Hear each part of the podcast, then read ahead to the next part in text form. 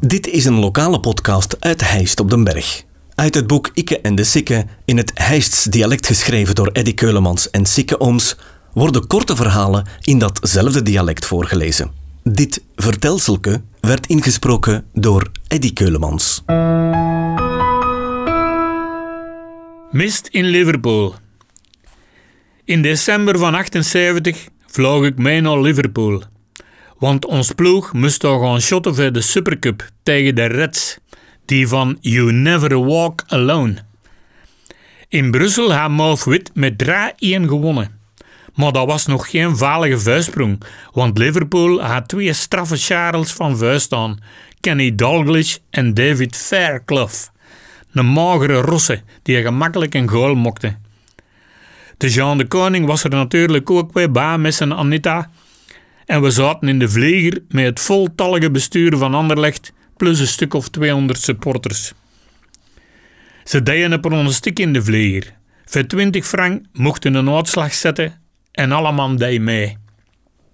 Ik dacht, we gaan dan niet winnen op Liverpool, maar misschien pakken we toch die beker. Dus ik gaf ze verloren met 2-1.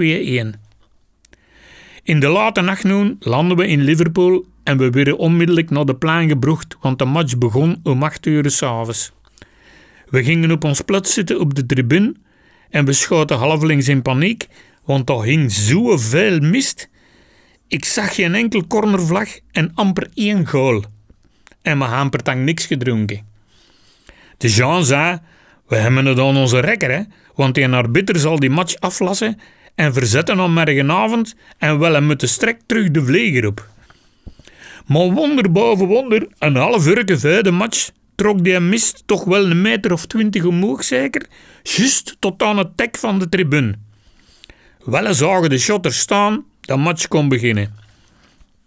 De televisiekijkers thuis, die gaan dikke pech, want de camera's stonden bovenop de tribune en die moesten dus de die mistlaag filmen. Op die beelden is bijna niks te zien, maar wel zaten al chans een meter of tien leger en ik heb alle goalen gezien. Het weer 1-0 voor de Reds, maar Swatje van der Elst mokte in de 71ste minuut gelijk en toen voelde ik mijn eigen alle bekken geruster. In de 87ste minuut mokte de Rosse Fairclough er nog 2-1 van, maar de Sporting heeft stand en we gaan wij een Europese beker erbij. Na de match werden we in vliegende vaart naar de luchthaven gebracht, want de vliegers stonden al te wachten. We hebben dus geen pub gezien in Liverpool. We stegen op en toen was tijd voor de uitslag van de pronostiek. Mr. Mitchell had een van zijn assistenten de papiertjes laten nazien en niet te geloven, maar van die 250 man in die vlieger waren er maar twee kenners die twee gezet hadden. Ik en nog een andere weebo. Ze deden die twee papiertjes in een zak en een onschuldige hand, Constant van den Stok waarschijnlijk of zo, die mocht een hoofdwinnaar de rood trekken. Die kreeg een reuze poster van meer dan twee meter breed, ingekaderd en al. De troostprijs, zo gezegd, dat was de geldpot. 250 keer 20 frank. Kun je tellen? En ik hou wij chance, mannetjes. Mijn concurrent zijn naam kwam als eerste uit de bus. En die mens mocht de week erop met een morksje naar de Anderlecht komen om zijn poster te komen afhalen.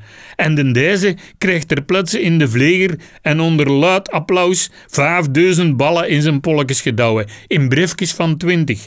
Een dik pak bijna niet in mijn portefeuille te krijgen. Maar ik was heel content. Mijn reis was dubbel en dik betaald.